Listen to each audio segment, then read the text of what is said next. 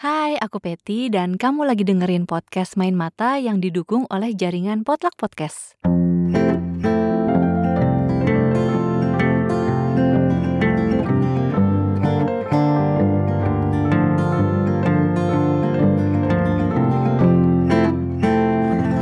Podcast Main Mata adalah podcast buku yang ngebahas banyak hal seputar dunia perbukuan, seperti obrolan dengan para pelaku, mulai dari penulis, penerbit, editor, dan lainnya.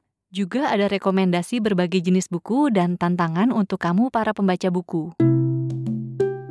Pernah nggak sih pas kamu baca cerpen, tiba-tiba kamu teringat dengan peristiwa yang ada di hidupmu?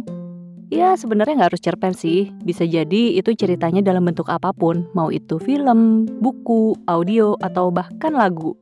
Pasti ada masa-masanya kita bisa relate soalnya pernah mengalami hal yang sama atau mungkin mirip dengan yang disampaikan di cerita itu. Nah, menariknya cerpen, kalau buatku ya, karena biasanya mengangkat tentang satu peristiwa spesifik, mungkin hasilnya bisa lebih relate untuk seseorang yang pernah berada di situasi itu walaupun bisa jadi kejadiannya yang dialami ya nggak sama persis kayak yang tadi aku bilang. Nah, sejak pertengahan tahun lalu, podcast Main Mata kan punya segmen pembaca menulis cerita pendek tematis. Dari cerita-cerita yang masuk, ada beberapa yang punya benang merah walaupun sebenarnya mereka ikutan di tema yang berbeda. Di bab podcast Main Mata soal cerpen yang sebelum ini, aku sempat ngobrol dengan dua teman juga yang pernah ikutan submit cerpen untuk segmen pembaca menulis ini, yaitu Yaya dan Ida. Mereka berdua ini waktu itu nulis cerpen untuk melepas beban dengan menceritakan ceritanya itu ke orang lain. Mungkin istilahnya nulis itu menjadi katarsis buat diri mereka sendiri. Nah, di bab ini, aku mau ngenalin kamu lagi ke dua orang yang pernah submit cerpen juga untuk segmen pembaca menulis. Kalau mereka berdua ini menjadikan cerpen itu sebagai cara untuk mencatat memori, baik itu memori pribadi mereka atau juga memori tentang suatu hal yang penting dalam hidup yang sepertinya wajib disebarluaskan ke lebih banyak orang lagi. Yang pertama ada Astri Apriani alias Atre. Atre ini memang penulis. Awal tahun ini dia baru aja nerbitin buku antologi puisi bareng Buana Ilmu Populer. Nah, buat segmen pembaca menulis, Atre waktu itu mengirim sebuah cerpen berjudul Sawala. Ceritanya tentang seorang perempuan yang lagi guna-gulana banget soal hidupnya. Terus di tengah jalan dia nggak sengaja ketemu seorang kakek yang ternyata mantan dosennya. Ketemunya kayak di tengah kota Jakarta gitu. Mantan dosennya ini udah pikun.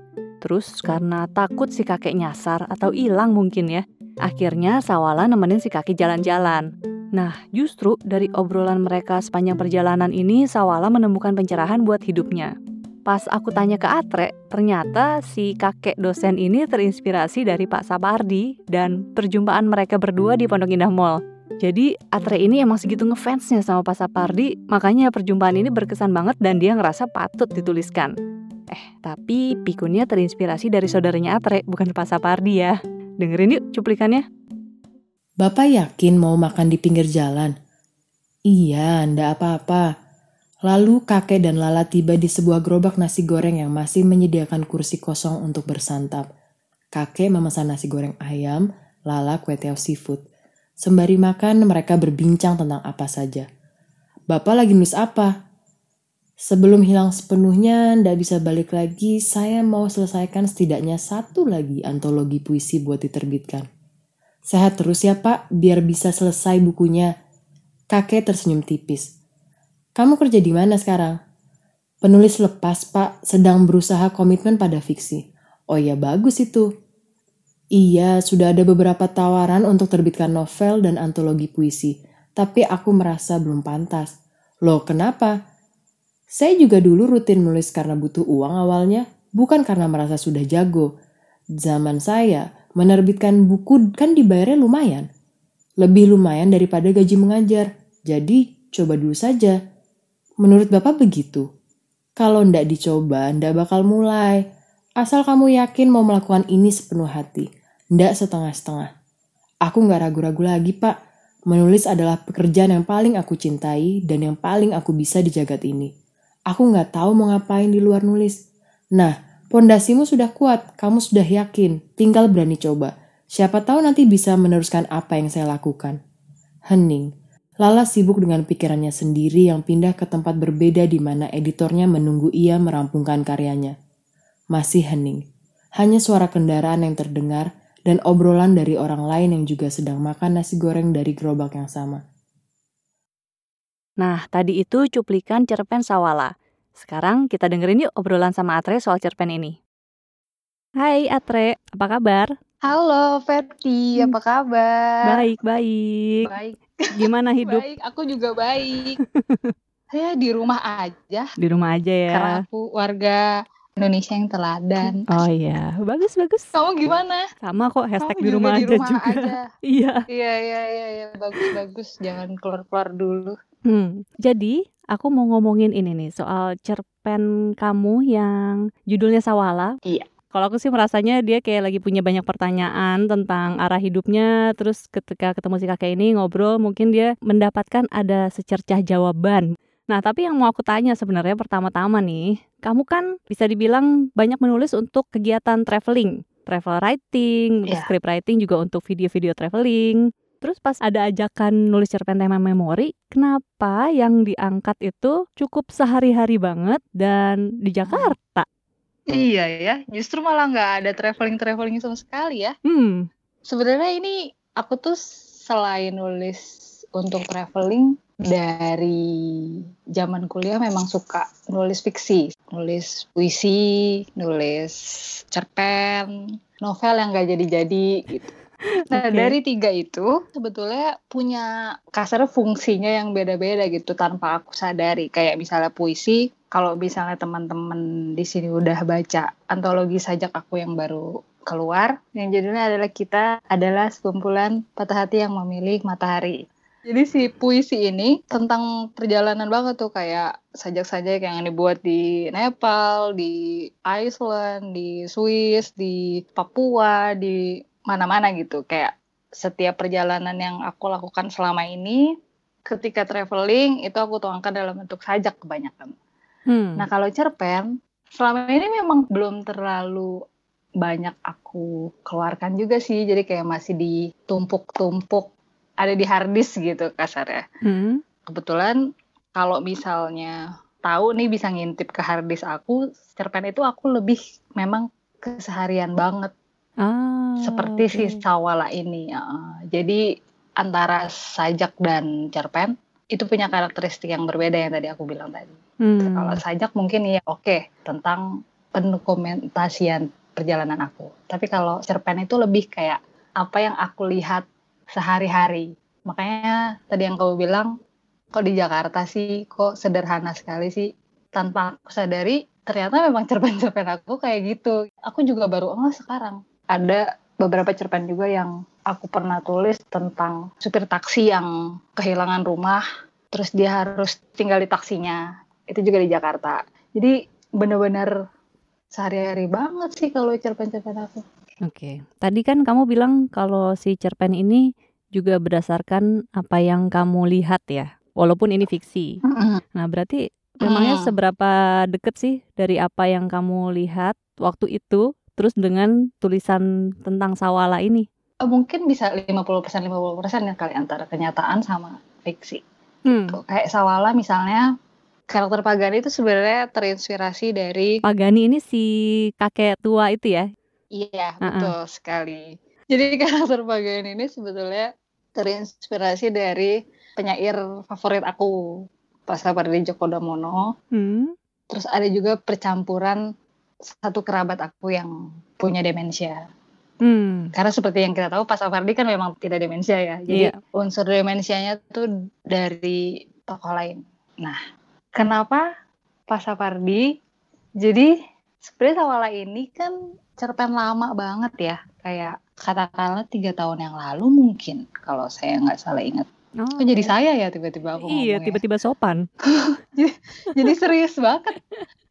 Dari tiga tahun yang lalu itu kenapa akhirnya kok tiba-tiba bikin cerpen tentang Pasapardi gitu. Hmm. Pasapardi itu sebenarnya kayak udah deket dalam tanda kutip dengan kehidupanku karena iya betul dia dulu dosen di kampus kan kayak di FIB UI gitu walaupun aku nggak pernah langsung diajar sama dia tapi walaupun nggak pernah diajar sama dia sering melihat dia lalu lalang dari situ aja kayak udah wah gitu terus di perpustakaan sering baca buku-bukunya dia kayak gitu terus zaman kuliah juga udah akrab dengan musikalisasi puisi.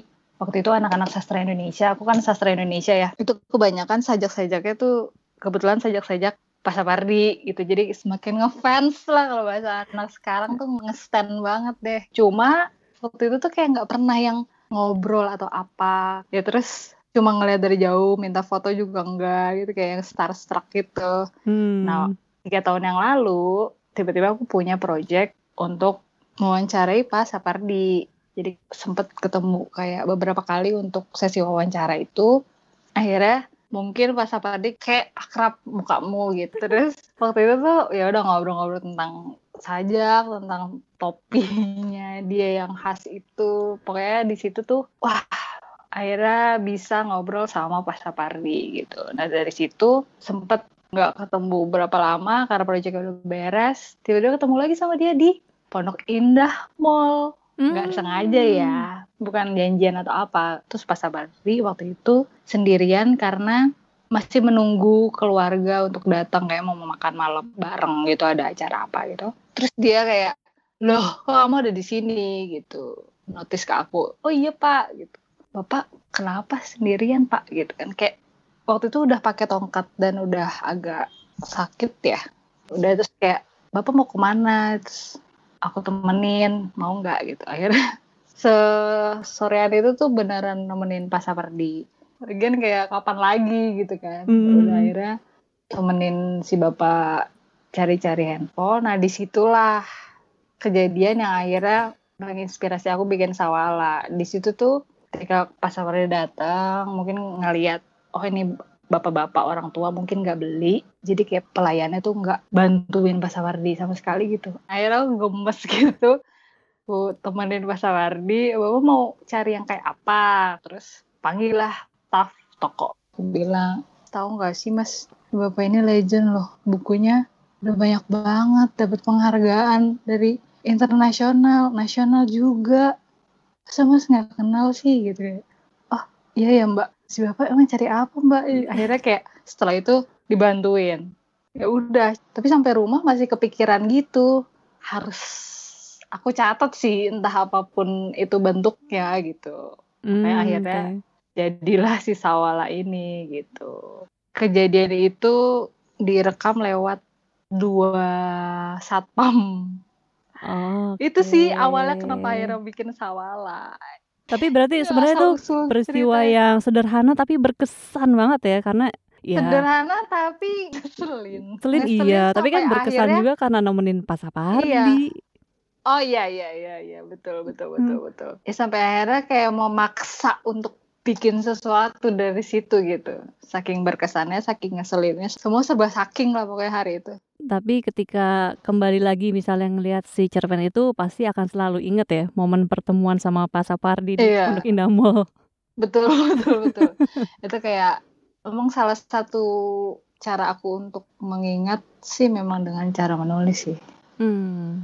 entah bikin cerpen, maksudnya entah fiksi, entah non fiksi, kayak entah sajak, entah travel writing, entah ngeblog bahkan. Itu semua sebetulnya cara aku untuk mendokumentasikan ingatan, mendokumentasikan perasaan yang aku alami saat itu gitu. Hmm. Karena pada dasarnya aku pelupa kan. Tapi Gitu, kalau misalnya Peti. sekarang kan berarti kamu biasanya travel writing harus pergi ke suatu tempat dulu untuk menulis. Karena sekarang lagi hashtag Betul. di rumah aja, karya apa yang lebih sering kamu Hmm. bikin berarti? Pertanyaan bagus sih. Karena lagi hashtag di rumah aja udah jalan berapa sih? Tiga bulan ya? Tiga ya? bulan kayaknya. akhirnya bisa melakukan apa yang selama ini tertunda-tunda sih. Aku kan rencananya setelah antologi sajak ini pingin mengumpulkan cerpen-cerpen aku yang tadi aku bilang. Orang-orang belum bisa baca tapi hanya tersimpan di hard disk itu. Nah itu lagi aku kerjakan itu. Oh. Cerita-cerita pendek. Akan dibikin Yang- dibukukan. Pengennya sih dibukukan tapi belum ada penerbitnya juga sih. Karena menunggu ini terkumpul dulu aja sih. Hmm, oke. Mudah-mudahan bisa selesai Ya. segera. Nah, ini aku mau nanya satu yang berhubungan dengan cerita si Sawala nih. Ketika si Sawala dan si Pak Gani berpisah, Pagani kan menuliskan sebuah puisi ya tentang Sawala. Ini puisinya menurutku kayak menohok banget. Nggak usah dibaca ya. Berdarah-darah ya. Berdarah-darah gitu kayaknya. Jadi kalau yang mau denger puisinya apa, dengerin ceritanya nanti. Tapi aku pengen nanya, maksud dari puisinya apa sih? Jadi sebenarnya agak ada catatan sih tentang si sajak ini. Hmm. Sawala tadi aku sempat bilang kalau itu ditulis tiga tahun yang lalu ketika ketemu sama Pak Safade itu kan Mm-mm. di PIM. Sajak ini sebenarnya penambahan. Dia baru ditulis tahun lalu, Hmm. 2019. Oke. Jadi sebelumnya kayak versi awal Sawala itu tidak ada si sajak yang ada di akhir cerpen ini. Kenapa akhirnya tiba-tiba aku merasa butuh untuk memasukkan ia sebagai ending? Mm-mm. Kalau diingat-ingat sebetulnya ada kaitannya sama kondisi aku tahun lalu sebenarnya. Mungkin waktu itu ketika menciptakan sajak ini aku di fase tidak punya tempat untuk berbagi kali ya. Jadi lebih banyak memendam apa yang dirasakan, terus lebih banyak menarik diri dari keramaian, termasuk dari keluarga, dari teman-teman, dari siapa pun gitu. Tapi sekali lagi kayak ada harapan bahwa oh gue kan masih muda loh, maksudnya nggak baik kayak harus sedih sendirian karena sesungguhnya lo nggak sendirian. Itu tadi cerita dari Atre soal cerpen Sawala. Sekarang kita lanjut yang kedua, ada yang namanya Arnelis. Waktu itu dia submit cerpen bertema horor. Judulnya Tali Tasih. Arnelis ini profesi sehari-harinya itu guru. Tapi dia juga punya podcast namanya Ceritanya Pendek Artinya Panjang.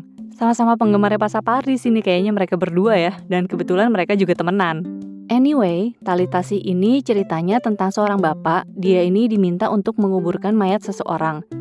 Si bapak ini nggak tahu dan nggak berani nanya juga mayat ini siapa. Tapi konon katanya pas masih hidup dia tuh salah satu anggota pemberontak yang pengen diberantas negara.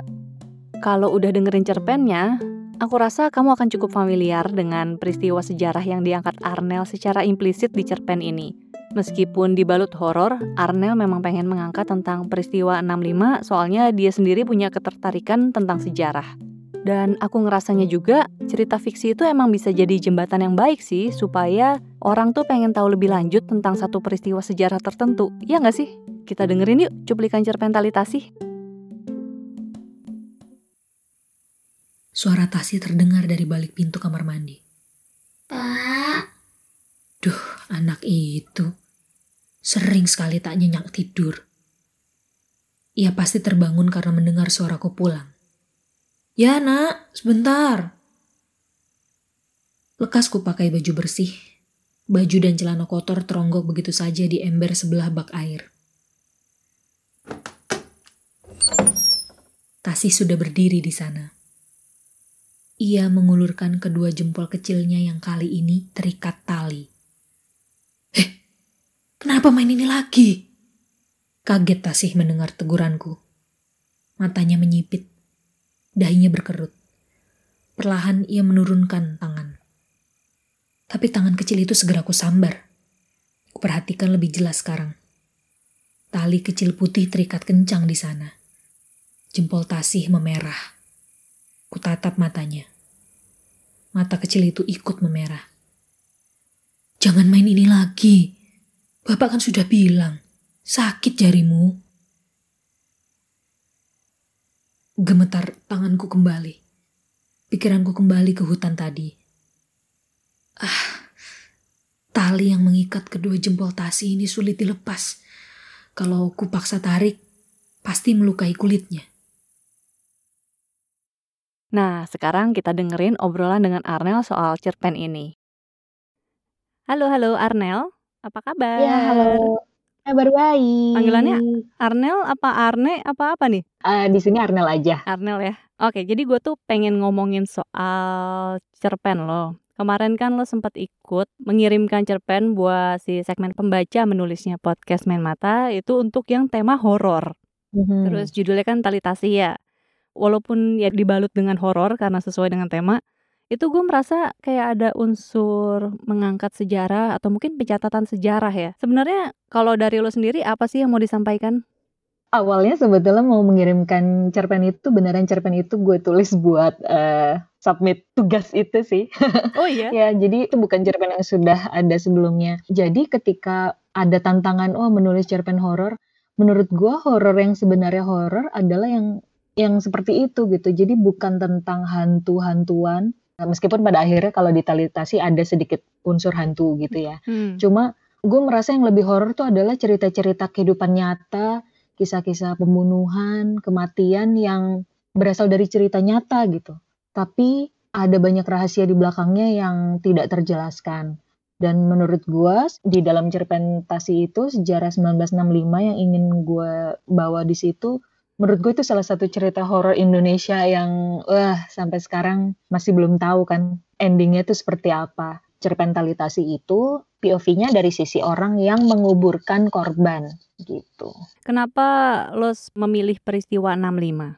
Pada dasar gue suka cerita sih ya, mendengarkan cerita gitu. Dan sejarah tuh kayak cerita yang selalu asik untuk didengar gitu. Dan karena berasal dari peristiwa nyata itu lagi. Hmm. Terus kenapa 65? Karena ya itu salah satu cerita sejarah yang mungkin karena unsolved itu kali ya. Jadinya selalu menarik untuk digali-gali terus dari berbagai sisi tentang pelakunya, tentang mengapa bisa terjadi, terus akibatnya, si genosidanya juga, itu jadi sangat-sangat menarik. Dan menyenangkannya adalah topik tentang sejarah 65 banyak diangkat juga di novel-novel Indonesia. Hmm. Nah jadinya gue juga jadi kayak pengen-pengen deh bisa nulis tentang itu juga meskipun susah ya karena perlu riset juga.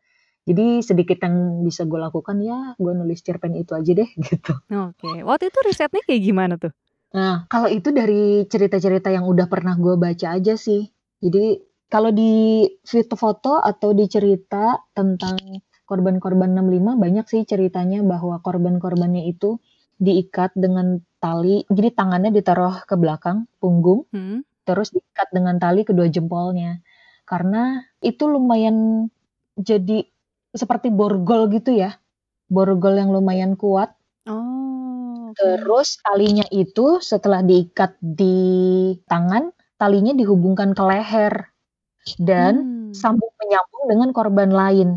Jadi kebayang ya kalau misalnya satu orang berusaha lari, maka temennya akan ketarik gitu lehernya.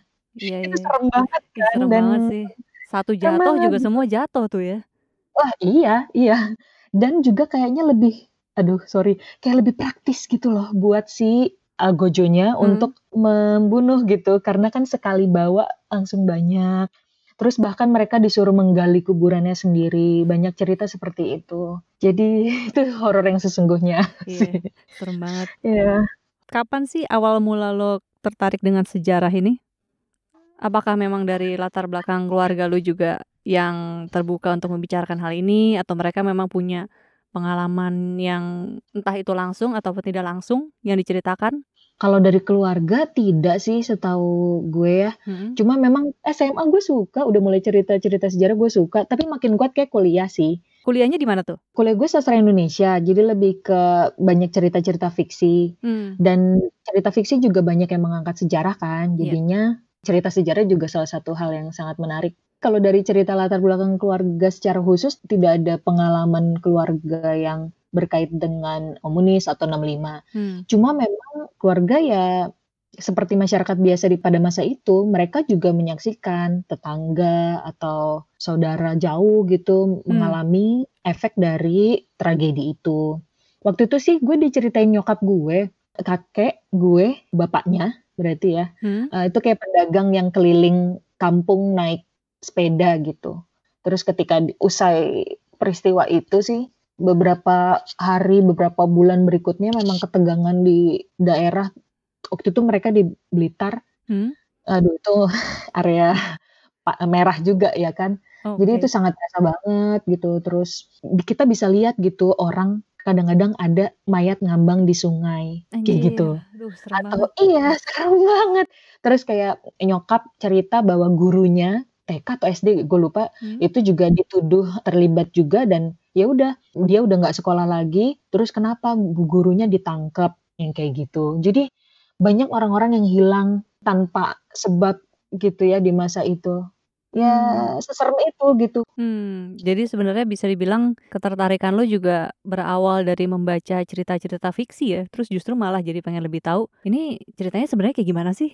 Hmm, gitu. Hmm, ya persis kayak gitu, benar. Terus ketika lo mendengar cerita tentang peristiwa-peristiwa ini kan sudah pasti ya mungkin sedih, serem gitu ya, bayanginnya. Apa yang lo rasain ketika menuliskannya sendiri? Hmm. Sebetulnya ketika mendengarnya lebih, apa ya, lebih ke ngeri, tapi sekaligus antusias juga ya. Hmm. Bu apa ya, ya tapi ada kan ya orang-orang yang memang antusias mendengar cerita-cerita Ada ada, horor. Bu ya, ya, bukan in a bad way ya, in a good way, mungkin jadi Iya iya iya iya. iya. pengen menggali oh, terus gitu kan. Kayak sebenarnya gue cerita detail tentang malam 30 September bagaimana pembunuhannya, kejar-kejarannya, itu tuh gue juga suka gitu mendengarkan cerita-cerita itu. Hmm. Terus kemudian pembunuhan-pembunuhan kok para korbannya tuh dengan cara apa gitu. Jadi itu menarik yang sekaligus ngeri gitu. Hmm. Nah hmm, ketika hmm. menuliskannya sama sih rasanya. Ini gue harus milih kata-katanya seperti apa ya supaya pembacanya juga bisa merasakan kengerian gue gitu. Gue coba membawa suasana itu gitu. Pas dengerin ngeri sih.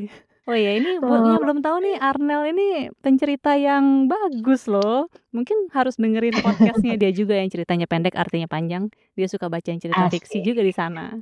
Lo kan berprofesi sebagai guru ya.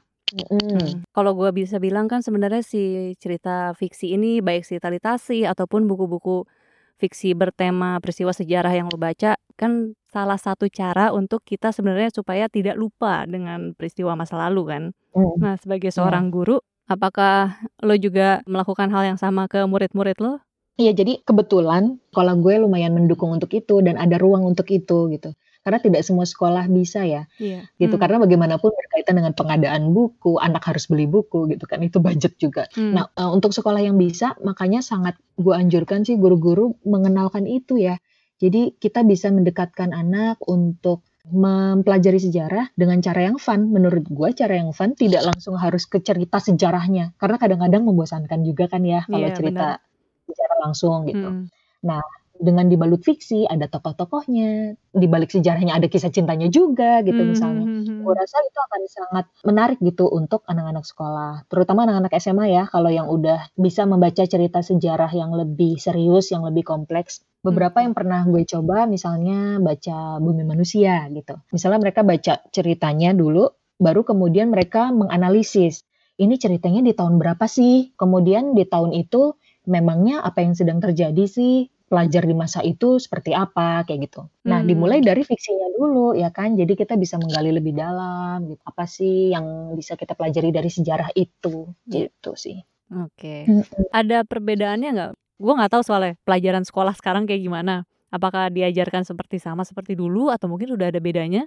Kayaknya kalau dulu tuh tidak diharuskan baca sastra kan ya. Terus yeah. kayaknya kalau pelajaran bahasa Indonesia terutama fokus gue di sini bahasa Indonesia, hmm. kayaknya lebih ke buku teks aja gitu. Misalnya kayak kita mempelajari membuat deskripsi gitu, terus kita menulis, kita mengarang deskripsi gitu. Yeah, ya yeah, udah yeah. itu aja gitu, langsung ke teori itu gitu. Sementara kalau menggunakan novel, sebetulnya kita bisa menggali banyak banget. Misalnya, kita dari baca novel dulu. Nanti kita bisa dengan topik yang sama, coba kamu cari mana deskripsi di situ, gitu. Baru ketika anak sudah membaca, dapat pengetahuannya, Terus maka mereka bisa menggunakan contoh itu untuk menciptakan karya mereka sendiri. Hmm. Terus ya enaknya kalau pakai karya fiksi itu kita bisa gali di balik itu. Jadi bukan cuma belajar tata bahasanya, belajar kosakata kosakata baru yang di zaman dulu tuh seperti apa, zaman sekarang, tapi sekaligus bisa belajar sejarah, bisa belajar sosiologi juga, bisa eh uh, bisa belajar macam-macam ya dari satu buku fiksi itu. Jadi pas mempelajarinya juga sambil menikmati ya karena jalan ceritanya kan juga menarik ya. Mm, seru banget. Jadi kita bisa eksplor banyak hal sih dari satu novel. Terima kasih udah dengerin bab kali ini. Silahkan kamu bisa cari cerpen-cerpen yang udah dirilis di podcast Men Mata ada di bab-bab sebelum ini. Nah, kalau kamu juga suka nulis, ikutan yuk tantangan segmen pembaca menulis tema ketujuh. Kali ini podcast Menmata berkolaborasi dengan toko buku dan penerbit independen Post. Temanya adalah yang akan datang normal yang baru pasca pandemi. Cerpen yang masuk nanti akan dikurasi oleh podcast Men Mata bersama dengan Post. Jadi beda dari yang sebelum-sebelumnya, nanti sebelum rilis dalam bentuk audio akan ada proses diskusi dan penyuntingan dulu supaya hasil cerpennya bisa lebih baik lagi. Jadi kirimin cerpen kamu dalam bentuk tulisan dulu ya ke halomainmata@gmail.com paling lambat 3 Juli 2020. Info lebih lanjut bisa kamu cek di Instagram @potluckpodcast atau di Twitter @podcastpotluck. Dan kalau kamu menyukai konten yang kami sajikan, kami akan sangat berterima kasih sekali jika kamu mau merekomendasikan podcast Main Mata ke teman-teman kamu, khususnya mereka yang suka baca buku. Jangan lupa follow podcast Main Mata di Spotify, terus beri dukungan juga untuk jaringan Potluck Podcast dengan follow dan subscribe di SoundCloud, YouTube, dan lainnya. Untuk informasi lengkap seputar episode terbaru yang akan tayang dari channel-channel podcast yang ada, follow jaringan Potluck Podcast di Instagram @potluckpodcast, P O D L U C K podcast. Segitu dulu. Dadah.